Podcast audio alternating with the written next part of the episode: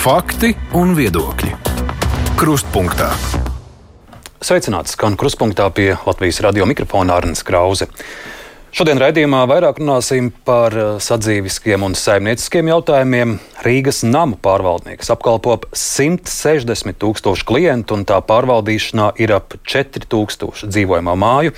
Nu pat Rīgas namu pārvaldniekam konkursu kārtībā ir izraudzīta jauna vadība. Pirmdien valdes priekšsādātāja pienākums sāks pildīt Māris Ozoliņš. Un viņš šodien ir kruspunktā studijā, kad klausītāji un žurnālisti turpmākajā stundā varēs uzdot jautājumus par lielo pārvaldnieka saimniecību. Ozoliņa kungs, sveicināti! Labdien! Un šīs jums būs tādas zināmas ugunskristības, jo es saprotu, šī jums ir tā pirmā lielā intervija, un pirmo reizi jūs esat Latvijas rādio.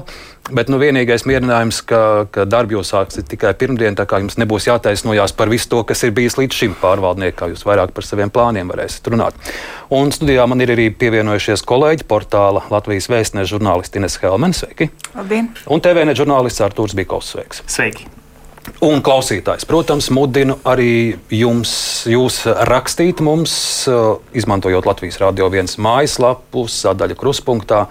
Protams, īpaši mēs gaidītu Rīgas nama pārvaldnieka klientu jautājumus, kritiku, bet varbūt arī uzslavu kādam, kādam labam sētniekam un nama pārvaldes darbiniekam.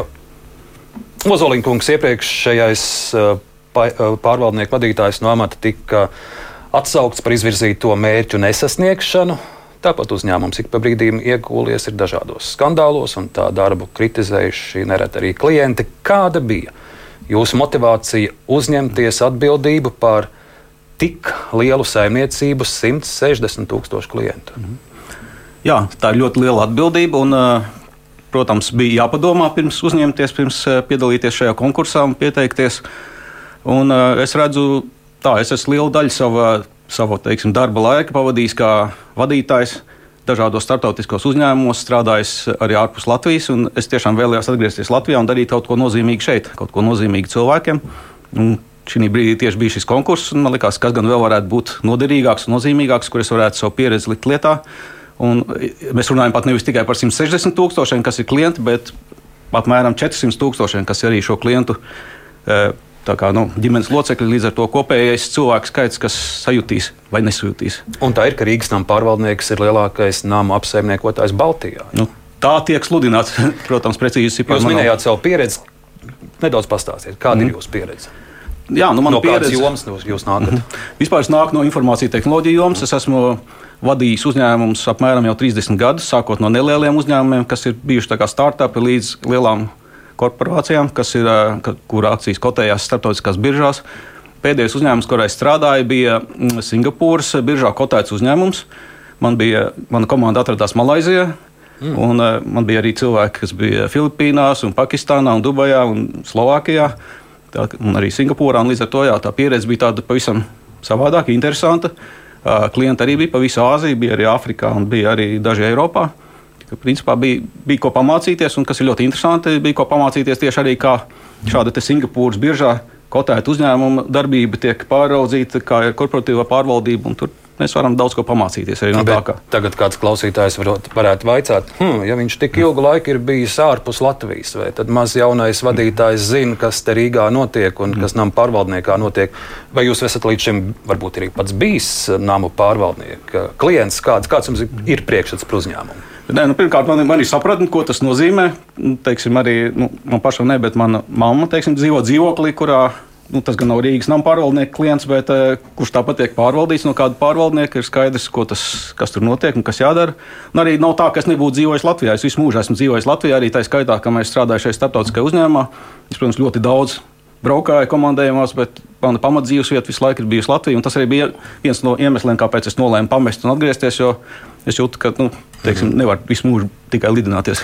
Nu, tā tad pārvaldniekam vadītājs ir atrasts, bet es eh, jūsu internetu mājaslapā sadaļā vakances redzu, ka ar vienu ir ļoti daudz eh, brīvu darba vietu, tiek meklēti cilvēki, sētnieki, elektriķi, protams, bet arī vadības līmenī tiek meklēts personāls. Uh, vai jums ir bijis laiks jau tādu papētīt eh, mm. kadru situāciju uzņēmumā? Jo nu, sētnieki ir gadiem trūkst pārvaldniekam. Kāda ir šobrīd situācija? Man ir sapratne par to, kādas ir vakances, un ir ļoti svarīgi noformēt šo vadības komandu kas ir ne tikai valde, kas arī ir pārējie direktori, un lai mēs visi strādātu kā viens. Tas ir viens no maniem galvenajiem uzdevumiem pašā sākumā, kā tikt galā ar šo situāciju vai šo iespēju. Kā piedāvāt cilvēkiem labu darbu, labā uzņēmumā. No sētnieki tas ir tas pamatu pamats arī Rīgas nama pārvaldniekam. Tie ir cilvēki, ar kuriem jūs klienti kā pirmajiem satiekas no rīta. Uh, vai jums ir nojausma, kāds ir sētnieka atalgojums? Mm. Man ir aptuveni nojausma, tas noteikti nav nekas ļoti liels. Es, es domāju, ka sētnieki vispār ir ļoti svarīgi šajā amatā. Es teiktu, ka sētnieka darbs ir svarīgāks nekā tas, vai valdes priekšsēdētājs skaisti runās vai nerunās šobrīd. Kolēģi, jūsu jautājums. Jā, jums uh, iepriekšējais vadītājs tika atstādināts par to, ka viņš neizpildīja mērķus, bet kādi ir jums izvirzītie mm. mērķi stājoties amatā? Nu, mērķi ir tieši tie paši, kas, kas bija. Mērķi nav mainījušies. Mērķi ir, ir aprakstīti mūsu stratēģijā, bet vispirms es gribētu pateikt par, nam, par Rīgas nama pārvaldnieku vispār misiju. Un es gribētu to pateikt ļoti vienkārši, vienā vienkāršā teikumā. Tas, mēs strādājam, lai rīzniekiem uzlabotu dzīves kvalitāti. Punkts. Tas ir tas, ko mēs darām. Un tālāk jau kā mēs to darīsim. Un ir, tālāk ir divi virzieni, divi būtiski virzieni.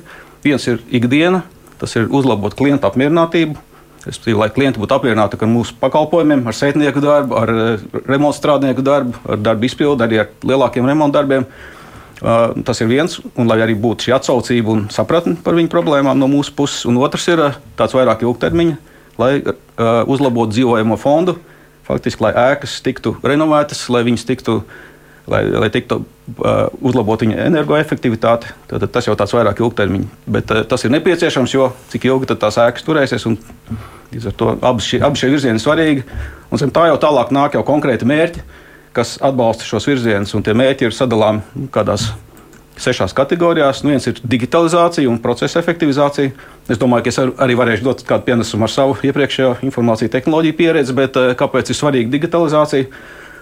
Tas ir, nu, protams, lai uzlabotu apkalpošanu, bet arī lai samazinātu izmaksas. Jo, protams, visu, ko mēs varam darīt elektroniski, kur neprasās roku darbs, tas arī ir tāds, kas palīdz atbrīvot šo roku darbu teiksim, citiem svarīgākiem, varbūt tādiem darbiem, kurus teiksim, rakstīt papīrus. Tas nav, tas nav tāda liela pievienotā vērtība. Tajā laikā, kad varētu veikt teiksim, remontu darbus vai kaut ko citu ar to pašu resursu.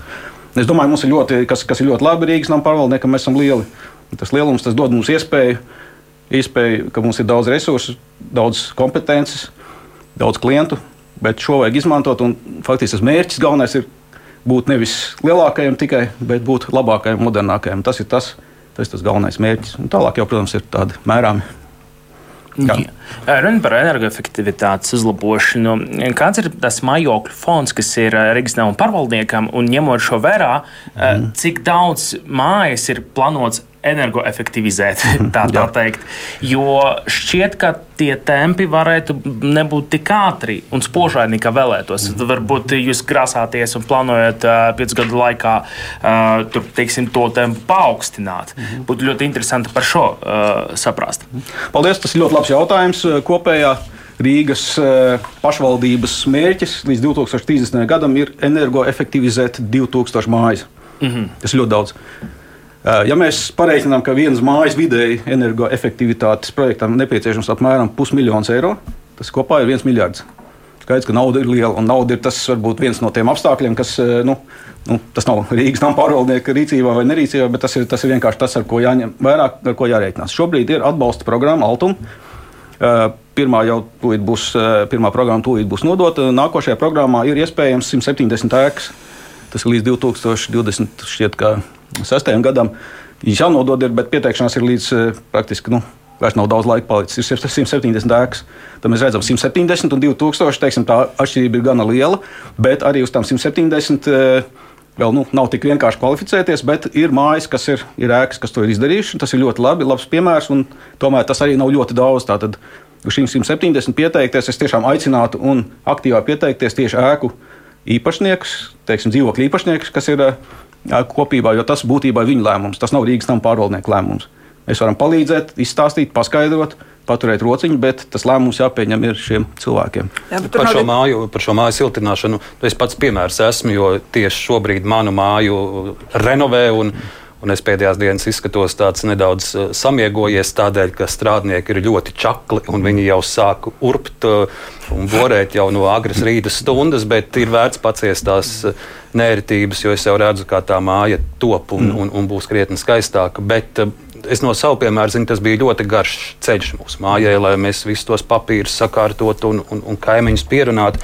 Mm. Es skatos, ka, ka jūsu uzņēmumam mājā notika pirmā tāda organizēta konsultācija par atbalstu iespējām klientiem energoefektivitātei, vai jūs domājat uh, to turpināt? Mm informējot ļaudis aktīvāk par iespējām. Pilnīgi noteikti. Un tas ir, kā jau teicu, tie divi galvenie virzieni. Tad šis ir viens no tiem diviem galvenajiem virzieniem. Mums jādara viss, ko mēs proaktīvi varam darīt, lai cilvēks informētu, lai palīdzētu, lai paskaidrotu. Jo būtībā jau tas ir tas iegūms jau ir. Un, un, teiksim, teiksim, tās izmaksas nav tik lielas salīdzinoši pret to iegūmu, ko var dabūt, ko var saņemt. Kāds Pretī... iegūms būtu starp citu, lai cilvēki patiesi pārliecināti būtu, okay. ka tā ir vērts ieguldīt naudu? Mm. Nē, nu, ir divi galvenie iegūmi. Viens ir ēkai uh, uzlabojas energoefektivitāte, un tā vietā, lai mēs maksātu Gazpromam vai vienkārši kaut kādam citam un izkūpinātu gaisā dzīvu naudu, mēs varam ietaupīt 30 līdz 50% no mūsu rēķiniem, kas ir par siltumu. Es domāju, tas jau, jau vien jau ir diezgan daudz. Otrs ir, protams, ka tā māja ir renovēta viņas vērtība ceļās. Piemēram, ja jūs dzīvoklis šodien maksā, nu, nezinu, cik maksā 100 tūkstoši, piemēram, tad pēc tādas renovācijas viņš varētu maksāt jau krietni augstāk. Līdz ar to tas ir jā, tie ieguvumi. Iemesliem, kāpēc cilvēki negrib īpaši pensionāri, tāpēc, ka viņiem nav tādas rocības, maksātspēja nav tik liela, bet tagad ieguldījumi, tagad būvniecības izmaksas augušas, ieguldījumi prasa ļoti liels resursus. Vai jūs to redzat, ka tas ir arī iemesls, kāpēc cilvēki tomēr pasaka, nē, nerenovēsim savu māju? Tas ir iemesls galvā, jā, es piekrītu. Psiholoģiski liekas, kur, kur nu vēl man samaksāt, es knapi varu tā jau samaksāt, bet, nu, ja parēķina, pirmkārt, tas, tas izmaksas jau nav uzreiz jāsadz. Eh, izmaksas uz banku. Viņas tiek pēc tam sadalītas ilgu gadu garumā pie rēķina. Līdz ar to tas teiksim, nav tā, ka uzreiz jānomaksā 5000 eiro. Tur, kāda, tas ir viens. Nu, vienīgi man te klausītājs arī atgādina, ka šobrīd eh, Eiribor likmes ir kosmos un jārēķinās, ka Jā. tās izmaksas būs krietni lielākas nekā varbūt iepriekš plānotas. Klausītājiem taisnība, nu, viņas šodien ir tādas, bet mēs nezinām, kādas viņas būs pēc 10 gadiem, 5 gadiem vai 20 gadiem. Līdz ar to, protams, šīs likmes staigā uz augšu, uz leju. Un vēl viena lieta, ko mēs par ko, jā, vēl kā motivēt, eh, bet nu, šobrīd, šobrīd pie tā vēl jāstrādā, bet ir iespējas un ir tādi paraugi citās pašvaldībās, kad, piemēram, pašvaldība nolem kompensēt šos procentus iedzīvotājiem no pašvaldības budžeta. Kredītprocents, ja? Jā, kredītprocents. Mm -hmm. Jā. Vai arī Rīgas nama pārvaldnieks grasās uh, savā ziņā kompensēt vai palīdzēt uh, ar šo? mēs neesam finanšu iestāde, mēs nevaram to darīt, un mēs neesam arī Rīgas doma. Bet, ja tāds, ja tāds būtu lēmums, tas būtu Rīgas domas lēmums. Rīgas doma no saviem līdzekļiem to mm. darītu. Bet kāds vispār ir mājas stāvoklis? Piemēram, bija Baudrējā tā stūrmaņa L3 mm. un arī citas mājas, piemēram, pie Stradiņas slimnīcas. Kāds, mm. nu, kāds ir ēku stāvoklis, ko jūs redzat? Vai tās ir avārijas stāvoklī, daudz būs, ja neko nedarīs, ja tomēr viņas kalpos vēl kādu laiku bez uztraukumiem? Jā, labs jautājums. Es varētu, protams, vieglākais ceļš būtu teikt, ka es vēl nezinu to, bet, bet nē, es esmu drusku sagatavojis šo jautājumu, tāpēc es tā neteikšu šobrīd. Nē, par stūrmaņu ielu, protams, tas ir ļoti bēdīgs gadījums, bet tas ir, jā, viņš neiekļaujas nevienā kategorijā. Tas vienkārši tāds, nu, mēs varam, protams, teikt, 1978. gadā ņemt saukt pie atbildības tos, kas būvēja, kas tur metināja un kas varbūt bija kaut ko tādu. Atgādināsim klausītājiem, kas tur notika. Tur bija jumta paneļu nekvalitīvas. Jā. Jā. tas bija un tas iemesls bija, jā. kā man vismaz, kā vismaz publiskā telpā ir skaidrots, un kad 1978. gadā, kad tā māja tika būvēta, tad jau bija pieļautas kaut kādas kļūdas, un tās mm. tagad izpaudās. Bet nu, tādas kļūdas tas ir. Nu, diemžēl tāda nelaimīga sagadīšanās. Un tad vienu to sekciju vispār uh, evakuēja tos iedzīvotājus. Jā, ļoti žēl. Man tiešām, tiešām man, es jūtu līdz tiem iedzīvotājiem. Tas tiešām nekādā gadījumā nebija viegli viņiem. Es, es saprotu, ka tas, tās ir problēmas. Jā, bet, bet, tomēr... bet runājot par tām mm -hmm. ēkām, jā, es gribēju pateikt, ka, ka patiesībā mēs varam viņus sadalīt četrās kategorijās šobrīd. Nu, vienas ir tādas, kas ir tikko renovētas, un tur vispār nav problēma. Renovētas ēkas, viņas turēsies ilgi, vai arī tādas, kur ir augsta nama īpašnieka vai dzīvokļa īpašnieka iesaisti. Ko tas nozīmē? Dzīvokļa īpašnieki paši ir, ir, teiksim, nu, ir, ir stimulējuši, lai nepārtraukti notiktu atjaunošanas darbi, un līdz ar to viņas ir labā stāvoklī. Tas jau ir tas, kas atšķirās. Piemēram, šīs paneļu mājas, tas jau nav Padomju Savienības izgudrojums. Patiesībā tās ir izgudrotas Francijā 60. gados. Un arī tur vēl ar vienu Francijā, Beneluksā stāv tādas pašas. Hruščovs toreiz aizbrauca un noskatīja un teica, jā, mums arī tādas vajag. Tašķība tāda, ka tur viņas arī visu laiku tika nepārtraukti uzturētas, bet mūsu mājas, diemžēl, padomju laikā viņas uzbūvēja, bet pēc tam tā uzturēšana izpalika. Un tagad mēs cenšamies iedzīt nokavēto. Tas ir tas, kas notiek. Un tie, un tie māju īpašnieki, kas to ir darījuši apzināti, tie, protams, eh, Tie, protams, to mājas ir ļoti labā stāvoklī. Tas tā pirmā kategorija, renovētās vai tādas, kas ir uzturētas, tur problēma nav vispār nekāda. Pārējās divas. Pārējās trīs kategorijas. Jā, Tālāk ir tās padomju laikā celtās ēkas, bet kas ir nu, tās normālās paneļa ēkas, kas ir relatīvi jaunas. Tur arī vēl salīdzinoši labi, bet tur ir jāsāk darbi nekavējoties. Respektīvi, nu, kad bija labākais laiks iestādīt koku, labākais laiks bija pirms desmit gadiem, kad ir otrs labākais laiks šodien. Tā, kā, tas ir jādara. Tad trešā kategorija - tās ir centra mūra mājas, jau apmēram simtgadīgas un tādas. Nu, tur ir ļoti atšķirīgs stāvoklis, bet tehniskais un ir, kas ir labā stāvoklī, ir kas ir galīgi sliktā. Nu, tur ir jāskatās jau individuāli, ko ar viņām. Un ceturtā, diemžēl, ir tās saucamās koka. Vecās koku mājas, nu, kas ir šur un tur vairāk kā simts gadu vecas, nu, tur, tur bieži vien stāvoklis ļoti bēdīgs un varbūt pat jādomā, ko ar ka to māju būtu jābeidz eksploatēt. Nu, tas ir tās četras kategorijas. Tātad pirmās divas, kas ir, tur viss ir visādi ir izdarāms un nav, nav teiksim, tāda A, ko Rīgas nama pārvaldnieks darīs? Viņi brīdinās tās kategorijas, kurām ir varbūt problēmas, un vairāk pievērsīs uzmanību, lai renovētu. Lai, mm. lai es esmu atjaunot. pārliecināts, ka tas jau tiek darīts, ka šī informācija jau ir pieejama un cilvēki zina. Un mums ir arī, nu, bet, teiksim, es, es nevaru detalizēt šobrīd to skaidrot, bet cik es zinu, tad ir šī informācija. Bet, protams, vajag vairāk komunicēt un vajag ieteikt. Jo labs pārvaldnieks eh, nevis vienkārši dara, bet arī iesaka, ko darīt. Tas ir tas, ko mēs gribam darīt. Bet lēmumu mēs nepieņemam. Tas ir ļoti svarīgi saprast, ka lēmumu par visiem šiem jautājumiem pieņem paši dzīvokļu īpašnieki. 50 plus 1 balss. Jā, tieši tā. Savā ziņā, tad, paturpinot jūsu teikto par to, ka jūs lēmumu nepieņēmāt, tad pieņemsim, māja pati nolēma par sevi teikt, rūpēties. Viņa mm. attai, attai, atsakās no Rīgas nama pārvaldnieku pakalpojuma vai no kāda, kāda cita pārvaldnieka pakalpojuma. Kādēļ? Mājai būtu izdevīgi vai vērtīgi vai prātīgi palikt pie jums. Jā, bieži mhm. skatoties uz to, kāda rēķina ir tam mājām, kas aiziet prom no Rīgas nama pārvaldnieka, tie ir mazāki. Mm, nu, tas ir tāds apgalvojums, kurus nepieņemu jau pašā sākumā.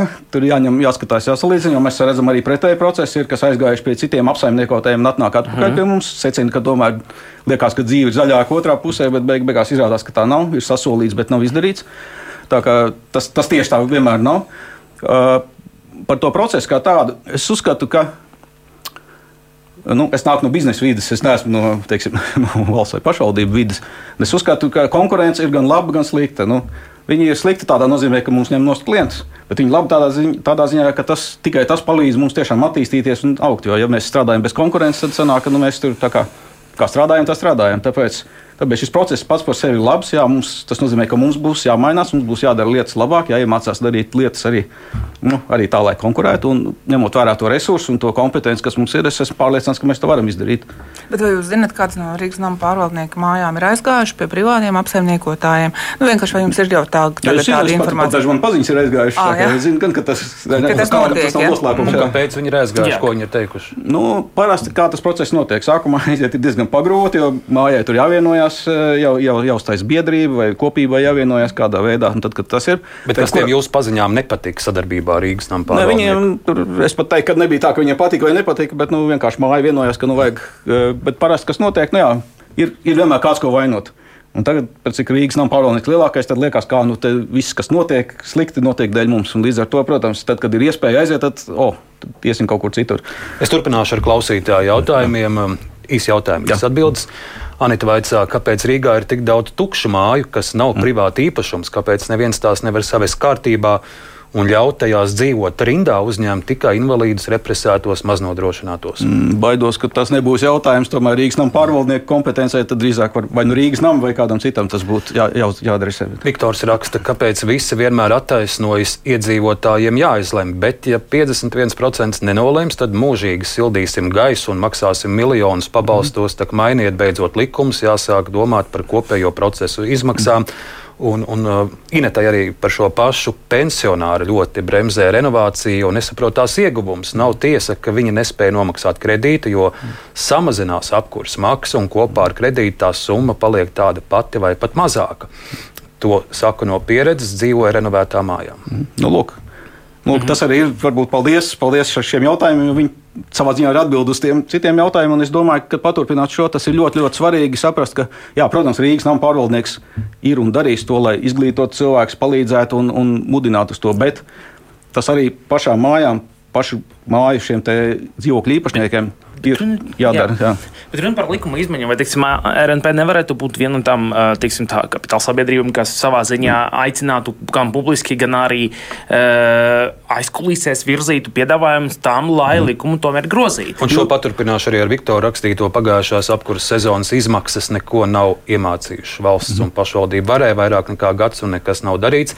Vai nav pārvaldnieks kā liels ēku apsaimniekotājs nevar virzīt valdībā priekšlikums, kā mainīt Jā. likumdošanu, nevis varētu visi neko nedarīt, bet piespiest darīt. Klāt apkurs sezonu drīz un atkal par miljoniem tiks sildīts gaiss aiz loga.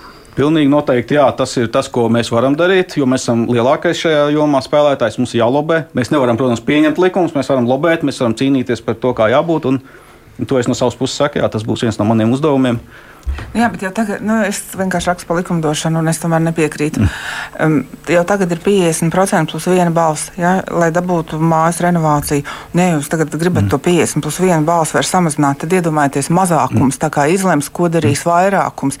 Tad vispār nu, man liekas, tur nesaprašanās sāksies. Tie, tas, kas būs pret, teiks, nē, mēs nemaksāsim, jo mazākais, mazākā daļa izlēma. Ja? Piemēram, manā gadījumā bija tā māju renovācija. Nu, Rīgas jūs nerenovēsiet fasādi, tad jums būs ļoti liels augsts nekustamā īpašuma nodoklis. Mm -hmm. nu, it kā klusais centrs, viss tāda apzinīga. Bet vienalga no 23 dzīvokļiem viena trešdaļa pateica nē. Nu, ja divas trešdaļas nu, nu, uz aptaujas pamata mm -hmm. nobalso par, nu, tad skaidrs, ka tie pārējie viena trešdaļa pievilksies klāt un mm -hmm. maksās. Bet savādāk kāda būs tā maksājuma disciplīna, ko jūs kā nama apsaimniekotāji taču paši iekasējat pēc pašreizējās likumdošanas? Jā, nu, tā jā. es domāju, nu, ka tagad jau tā likumdošana ir optimāla 50% mm. plus viena balss, ko ekonomikas ministrija notiekusi. Turklāt laika gaitā to 50 plus viena balss jau samazināja, bija man liekas divas trešdaļas mm. iepriekš. Ja? Nu, tas jau ir darīts. Es nezinu, nedomāju, ka tas būtu risinājums. Es, teicu, ka, es neteicu, ka tas ir risinājums. Jā. Tas nebija mans teiksim, priekšlikums. Es, bet es arī nevaru atbildēt, kāds ir risinājums. Bet es gribu šo komentēt vēl vienu lietu. Nav un neapstājas viss tikai pie 50 plus 1. Ir vēl viena, vēl viena spēlējošā puse šajā jomā. Tās ir bankas, kas finansē. Un bankas viņas uzstāda savus noteikumus, un bankas neiedos kredītu, ja būs tikai 50 plus 1. Jā, viņas, viņas prasīs vairāk. Piemēram, apsaimnieku asociācijā Dzirdu Beigmans saka, ka tie ir vismaz 80%, Jā, kas ir vajadzīgi, ko iedzīvotāji nobalso savādāk, jūs nedabūsiet kredītu. Un reti, kurš taču ir, mm. ir, viņiem ir skaidra nauda vai uzkrājuma bankā, lai varētu samaksāt to savu renovācijas daļu. Nu, uzreiz, vi, Jā, uzreiz. Visticamāk, ka jebkurā gadījumā ir jāņem tas bankas kredīts. Ja? Jā, nu, tas ir droši vien jāņem arī mm. jā, nu, tādā nozīmē. Par to mums raksta arī klausītāja Anna, ka lielākā problēma, ka iedzīvotāji nevēlas to, to iekustināt, to mm. lietu un to sākuma maksājumu. Un Māra arī vēl raksta, jau trīs gadus dzīvoja renovētā daudzdzīvokļu mājā, bļauju no sajūsmas, jo apkurs rēķins samazinājies, trīs pakaļu loku lieliski aizkavē augstumu, karstumu un skaļumu. Ieguvējs ir arī rēķins, jo tas nepalielinās. Nu, droši vien šeit arī stāsta, ka ir vairāk, vēl vairāk varbūt jāstāsta par tiem mm. ieguvumiem. Jā, paldies Annai un Mārai par šiem komentāriem. Un, jā, tieši tā jāstāsta. Bet Te varbūt jārunā par katru personīgo atbildību. Te nav runa, ka tagad mēs gaidīsim, ka atnāks Rīgas nama pārvaldnieks un visiem izstāstīs, un visi pamāsa galviņā, jā, jā, mēs tam ticam. Eh, runa par to, ka katrs, kurš no jums apzinās šo vērtību, jums ir jāiet savā mājas sapulcē, jums ir jāiet tur stāstīt tajā līmenī, jo tas ir tas līmenis, kurā kurā. Bet mēs, protams, no savas puses, tāpēc mēs nesakām, ka nē, mēs to nedarīsim. Mēs, mēs arī darīsim, bet mums vajag atbalstu. Klausītāji vēl te raksta, cienījamā Māra Ozoliņa, vai ir iespējams pie jums pieteikties uz vizīti un kādā veidā ir jautājumi, kurus gribas ar jums izrunāt. Zvanīju uz visiem iespējamajiem kontaktiem, bet visi atteica pie jums vizīti. Mm. Nu, jāapskaidro, ka vēl jau jūs neesat apsēdies savā pārvaldnieka krēslā, tas būs no pirmdienas, bet, bet ja ļaudis grib acis pret acis ar jums izrunāt lietas. To mēs izrunāsim kādā kārtībā. Tas notiks pilnīgi noteikti. Es gribu tikties ar cilvēkiem. Ir dažādi veidi, formāti un arī dažādi komunikācija kanāli. Vai kādam patīk acis pret acis runāt, kādam patīk e-pasta atsūtīt, kādam varbūt cits. Es domāju, ka es, es, domāju, es, es esmu pārliecināts, ka es ieviesīšu dažādus komunikāciju kanālus, lai man varētu sazināties. Tad, kad tas būs, tad arī, tad arī cilvēki varēs zināt. Mums ir eh, pašapkalpošanās divi rīki. Tas virtuālais mm. asistents Juris un mm. mobilā aplikācija. Jā. Nu, tur jūs tā kā mājaslapā jaunumos rakstīts, ka nu, tas mobilais virtuālais asistents Juris tā lieliski atbild uz tiem visiem jautājumiem. Man nav pieredzes, neesmu mm. neko prasījis, bet nu, vai šie rīki ir tādi mm. liederīgi? Tie izm Tos jā, izmanto cilvēki. Jā, es, es, es uzskatu, ka ne, nu, tas, cik ļoti izmanto, viņas izmantos arī vairāk, bet viņi ir tiešām liederīgi, jo pirmkārt viņi palīdz cilvēkiem arī tie atkal vēl, vēl citi, citi saziņas kanāli un dažādi. Pie tam vēl ir jā, jāatcerās, ka arī ir mūsu uh, portāls e-pārvaldnieks. Tas arī vēl viens rīks, kur var elektroniski sazināties. Tātad mums ir trīs šie rīki, iespēja izvēlēties, un funkcionalitāte visu laiku tiek papildināta. Bet kur ir tas labums, ka tas arī automatizē mūsu darbu?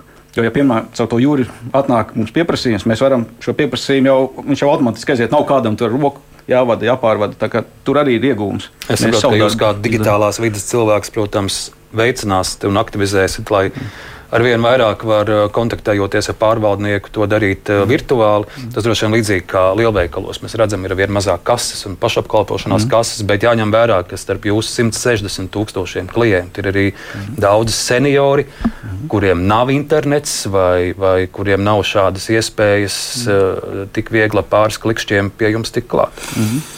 Jā, protams, tāpēc jāstāj arī tie kanāli, lai šie seniori varētu tikt klāt, bet, bet svarīgi ir, lai pakāpeniski tomēr tā pārēja notiktu, un, un viņai vajadzētu notikt pietiekoši tādā straujā tempā, jo tas palīdzēs visiem. Un tad, kad cilvēks, tas ir apmācības jautājums patiesībā, jo nav jau tik grūti. Manai mammai ir 94 gadi, bet viņa, eh, bet viņa lieto gan, eh, gan planšeti, gan, eh, gan viņa ir karta, viņa māca izņemt naudu no bankomāta. Teiksim, nu, viņa ir dēls, kurš ir IT speciālists. Es neesmu viņa vispār neko no šī rādījis. Nu, nu, jums ir jārēķinās jaunā amatā, ka jums viss, visdažādākos jautājumus uzdos, un te ir viens piemērs, Birota vaicā Kā domājat cīnīties ar žurkām Rīgā? To ir ļoti daudz. Oh, žurkām. Godīgi sakot, neesmu par to domājis. Bet, Man papriekš jāsaprot, vai tas ir tiešām Rīgas no pārvaldnieka lieta, bet nu, jācīnās ir droši. Tā ir katra apsaimniekotāja lieta, kad Rīgas centrā pa pagrabiem nu, okay. dzīvo žurkas. Bet no pirmdienas jums būs jāsāk jā, jā, domāt arī par žurkām. bet vēl par nopietno Rīgas no pārvaldnieks apkurses sezonā iepriekšējā nepiemēroja kavējumu naudas, lai atbalstītu ļaudis.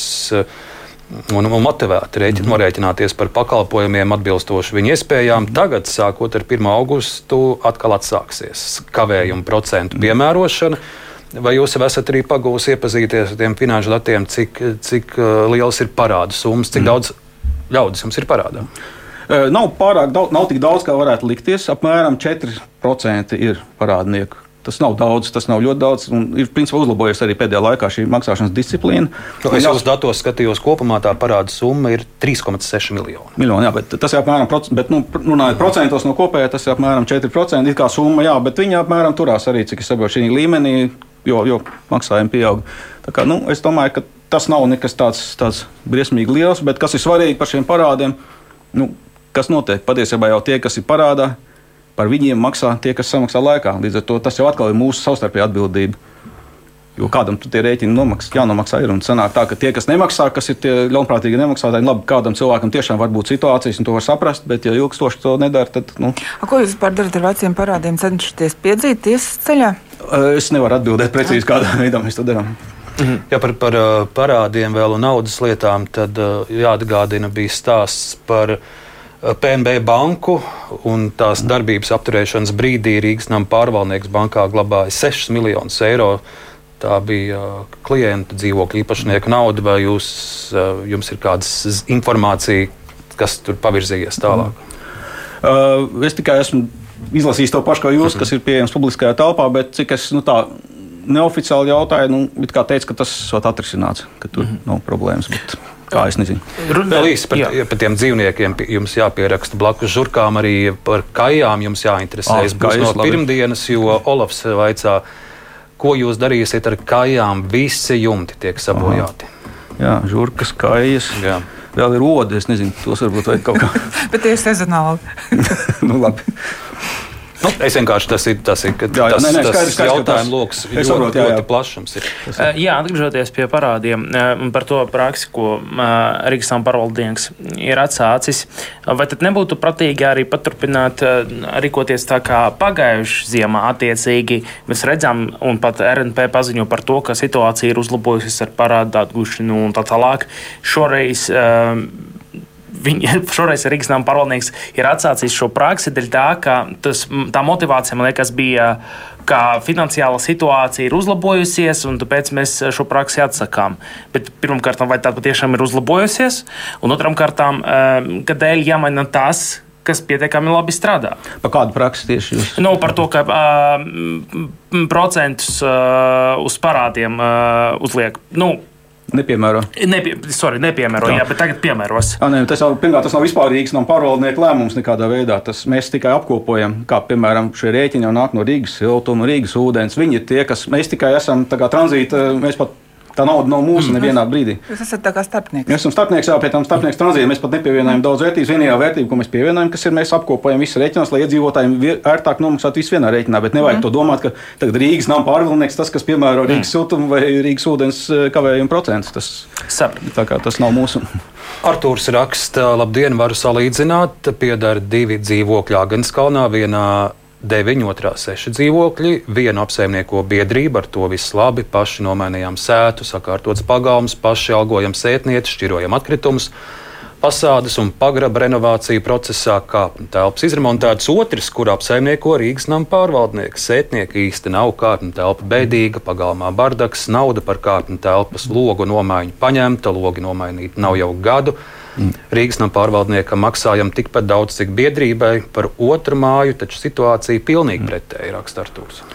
Nu, Artur, būtu vēlams, ja jūs varētu atsūtīt šīs mājas adresi, un, uh, kur tā atrodas. Jo tādas situācijas nav normālas. Es, es ticu, ka tādas ir. Es zinu no arī citu cilvēku stāstiem, bet tas nav normāli. Tas ir, mēs esam liels uzņēmums, ir, ir vietas, kur ir jāuzlabo. Šī ir viena no tādām acīm redzamām. Vēl divas vēstules par ēku renovāciju. Tas pat nav jautājums. Cilvēki vienkārši dalās savā pieredzē. Uh, Uh, vēl te raksta māja Hanzas ielā stoņi renovēta, nobalsojām 97%, un tieši pensionāri bija tie, kuri pirmie balsoja par esam apmierināti. Ziemā silti, vasarā vēss, jo siltināšanai izmantojam paneļu sistēmu, apkuros pusi lētāk, un tas sadz kredītu maksu. Iesaku nav jābaidās, ir jāuzdrošinās, ir tā vērts raksta Uldis. Mm. Un raksta Velta un Ulim ir šāda, šāda pieredze, ka tas ir arī iedzīvotāju pasivitātes faktors. Mēs pāris aktīvisti esam organizējuši vairākas sapulces, un par renovāciju pat ir mēra arī interesi un atbalsts. Ir laba komunikācija ar Rīgas nama pārvaldnieku speciālistiem. Tie arī ieteica veidot ēkas biedrību,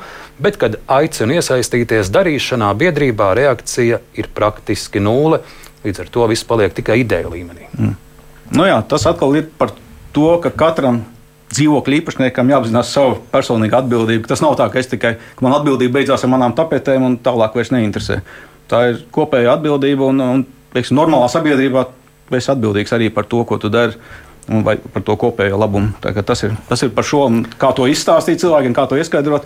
Droši vien jāmēģina visi dažādi kanāli, un tā skaitā man ienāca prātā doma arī šie labie stāsti par to, kam, kam, kam ir, kas ir veikuši renovāciju un kas ir tagad apmierināti.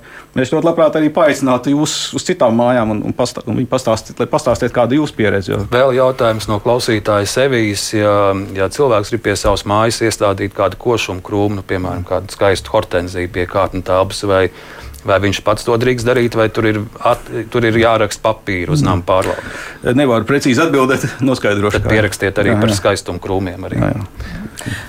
Es gribēju par dalītu atkritumu šķirošanu. Arvien vairāk ir jāšķiro. Tagad, piemēram, no šī gada tekstils jāšķiro. Tur pildu projekts bija bioloģisko atkritumu šķirošanā. Kā Rīgas nama pārvaldnieks uz to skatās? Ir vietas, kur izvietot cilvēku labprāt grib šķirot. Mm. Ne, šķirošana pati par sevi ir, ir pat eh, Rīgas domas lēmums, ka šis nu, atkarībā no dzīvokļa skaita, kur tas ir obligāti jāizvieto šī šķirošana. Šķirošana pati par sevi ļoti laba lieta. Es brīnos, kāpēc Latvija tikai tik vēlu līdz tam ir nonākusi. Un pie tam tie šķirotie atkritumi tie tiek izvesti bez maksas tie, kas ir, nu, tie, kas ir šie pārstrādājumi. Līdz ar to tam ir, nu, tam ir arī tāda. Nu, Pievienotā vērtība. Bet uh, problēma ir tajā, ka cilvēku paradumi cilvēki nav iemācījušies to, ka vajag šķirot, vai nu samēt visu nepareizā, vai samēt visus, tā skaitā šķirojamos atkritumus tajā, kur ir miks, kur ir viss kopā. Līdz ar to viņiem pieaug šis atkritumu, maksas atkritumu skaits, vai arī vispār nobloķē piekļuvi ar automašīnu. Nu, šīs ir lietas, kas vienkārši ir jāiemācās, un atkal te ir, te ir tā personīga atbildība, arī tā, teiksim, tāda nama varbūt līmeņa atbildība par to, ja kāds tur novieto mašīnu, tad aizrādi, ka tur nevajag stāvēt. Vai, ja kāds netur, met, tad pamāca, ne, re, kur tās pudeles tajā jāliek. Jā, bet jūs no 1. jūnija esat pievienojuši rēķinos ailīti fiksētie mm. pārkāpumi, ja šķirot atkritumu konteinerā nav mm. ritīgās sastāvdaļas. E, cilvēki par to ir neapmierināti. Jā, es, es saprotu, ka, ja ierauga jaunu maksu, liekas, tā jauna maksa patiesībā. Tur ir viens āķis. Šīs pārkāpuma maksas tika piemērotas agrāk, bet viņas nebija atšifrētas. Un tagad tas ir atšifrēts. Tagad patiesībā tas ir labi, nevis slikti, ka šī ailīte parādās, jo tad cilvēki var redzēt, ah, tā tad mums ir pārkāpums, papildus maksa vai arī nav. Agrāk tas tika vienkārši iekļauts apakšā, nu, šī atkrituma izvedēja rēķinā, viss tā kā vienā, un to nevarēja redzēt. Ah, nu tad tad cilvēkiem nav par to jāuztrauc, vienkārši ir izdalīts atsevišķi. Izdarīt atsevišķi, un cilvēki arī redz, jā, ja mums ir pārkāpumi, tad viņi sāk domāt, kas tad ir tie pārkāpumi, ko mums darīt, lai viņi nebūtu. Tas ir tas. Klausītāja Anna raksta, labdien, kājas nav tikai sabojāti namu jumti. Tās ir, da, tā ir daudz nopietnāka problēma. Mans vīrs regulāri neizguļas kāju un vārnu savstarpējo nakts rēķinu kārtošanas dēļ. Un cik tādi neizgulējušies un īgri veči no rītiem iziet ielās, kāpj auto un dodas dienas gaitās, cik daudz avāriju uz ceļiem neizgulējušos šoferu dēļ. Tas par tām kājām, bet uh, klausītājs man pārmet, ka es podrinot apsaimniekotāju tēlu un neuzdodu nevienu kritisku jautājumu. Es jau ievadā teicu, jūs, jūs pat vēl neesat apsēdies priekšnieka krēslā, tā kā neko jau daudz jūs nevar kritizēt par, par līdzinējo pārvaldnieku darbu, bet, bet ir daudz jautājumu, kur cilvēkiem nav skaidrība par siltā ūdens cirkulācijas izmaksām. Ļaudis bieži nesaprot. Kā šī summa veidojas un kādēļ tā ir tik liela, vai, vai par šajā stāstā jūs iedzinājies? Es teiktu, tas ir diezgan bēdīgs stāsts, jo kas notiek Vai teiksim, tā, es sākšu no otras puses, kā to varētu atrisināt, lai nebūtu šis. Jo kas notiek, ir tā, ka, ka ir siltā ūdens, tur teiksim, šis te patēriņš, un beigās viņš nesakrīt ar kopējo. Un sanāk, piemēram, ja 50 tur ir kaut kādas vienības, ir bijušas sadalītas no iedzīvotājiem, vēl 50, kuras, kuras atnāk līdz mājai, kuras siltums teiksim, saskaita, bet kuras nenonāk tālāk, kas nav no skaitītājiem. Tad šīs 50 tiek sadalītas tā uz galviņām visiem vienādi. Kādēļ tas notiek? Vai teiksim tā, kas to atrisinātu? Kaut vai viedo skaitītāju mājas, kur ir uzstādīti viedie skaitītāji, kur nevis iedzīvotāji paši nolasa šos rādījumus, bet kur tie skaitītāji noziņo, tāda problēma nav.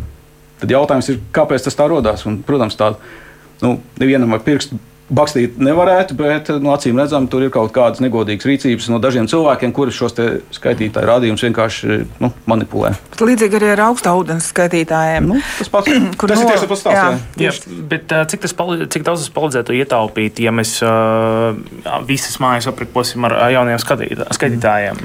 Tas Vai ir, cik, cik tas būtu efektīvi? Nē, tas ir atkal katrs pašas mājas lēmums. Mājai pašai jāskatās, ja tur godprātīgi cilvēki dzīvo un nav šo zudumu, teiksim, nosacīti, tad uh, varbūt nav nekā kāda vajadzība, un tas tā var turpināties. Bet, ja šie zudumi ir lieli, to var izreikināt. Tur katrai mājai, un šī informācija ir vismaz eh, nama pārvaldnieku klientiem, tā ir pie, pieejama e-pārvaldnieku šī portālā. Jūs varat redzēt visas mājas, tur, tos datus un varat apskatīties. Tad, tajos viedos skatītājos nekādīgi nevar iejaukties. Es par to nesaprotu līdz galam to tehnoloģiju. Tas kaut kur viņi citur nolasās.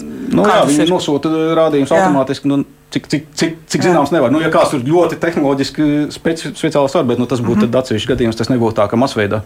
Bet mm. ne pārāk daudz ir popul nav populāri tie viedie skaitītāji. Droši vien dārgs pasākums. Es, es nespēju, nevaru spriest par cenām. Tur jā, mm. tieši tā jārēķina atmaksāšanās, vai tas ir to vērts vai nav to vērts. Es negribu teikt, ka tas ir vienmēr vērts, bet ja kādam šī starpība sagādā problēmas, tad tas būtu vērts apsvērt mājas līmenī. Mm. Uh, vēl runājot par finansēm, uh, savā ziņā tas attiecas arī uz uh, jūsu mērķiem, es pieļauju. Kādi tad ir uh, finansiāli mērķi jums, kā priekšsēdētājiem, mm. ir uzstādīti? Mm. Jā. Finansiāli mērķi, nu, pirmkārt, sākšu to, ka, ka mērķis ir panākt, lai uzņēmums ir tik kvalitatīvs, lai tā akcijas varētu sākt kotēt biržā. Mm. Tas, ir ierakstīts arī stratēģijā, okay. jā, un tas nav arī noslēpums. Tas nozīmē, ka šāda veida, bet tas nenozīmē, ka Rīgas doma pavisam ies ārā, teiksim, bet uh, viņi grib saglabāt, protams, daļu, jo tas ir svarīgs uzņēmums, bet viņi grib, lai uzņēmums strādā kā normāls tirgus dalībnieks, tāpat mm -hmm. kā citi. Un līdz ar to, lai to darītu, mums ir jābūt arī kā normālam strādājošam, funkcionējošam biznesa vienībai, kas nozīmē, ka mums ir jāstrādā ar ieņēmumu, ar ieņēmumiem un ar peļņu, un ieņēmumiem jāpieaug. Tas ir, tas ir mūsu finanšu mērķis. Nu, cik, cik daudz, teiksim, ja mēs runājam par kaut kādiem cipariem, procentiem, mm. nu, nosacīti peļņa var pieaugt par, par vienu procentu, mm. un tas jau mērķis ir izpildīts. Attiecīgi, vēlētos zināt aptuveni tos, tos, tos radītājus. Mm. Uh, jā, nu, ir tā, ka nu, aptuveni, es teikšu, aptuveni skaidros, ir, ir šobrīd mūsu apgrozījums ir apmēram 60 miljoni eiro gadā. Mērķis trīs gadu laikā pieaudzēt līdz trīs vai četru gadu laikā līdz 80 apmēram miljoniem. Un peļņas šo procentu pret apgrozījumu saglabāt tādu, kāds viņš apmēram ir. Pašlaik mums ir apmēram 4,5 miljonu peļņa eiro. Mm -hmm. Tad apmēram proporcionāli tik daudz arī viņa pieaugtu. Jā.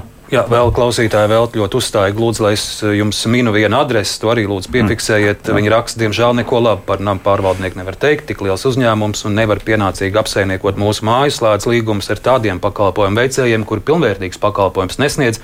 Vajadzēja izvest grūžus no pagraba, zāle vēl šogad nav pļauta ne reizi, izaugusi līdz jotas vietai.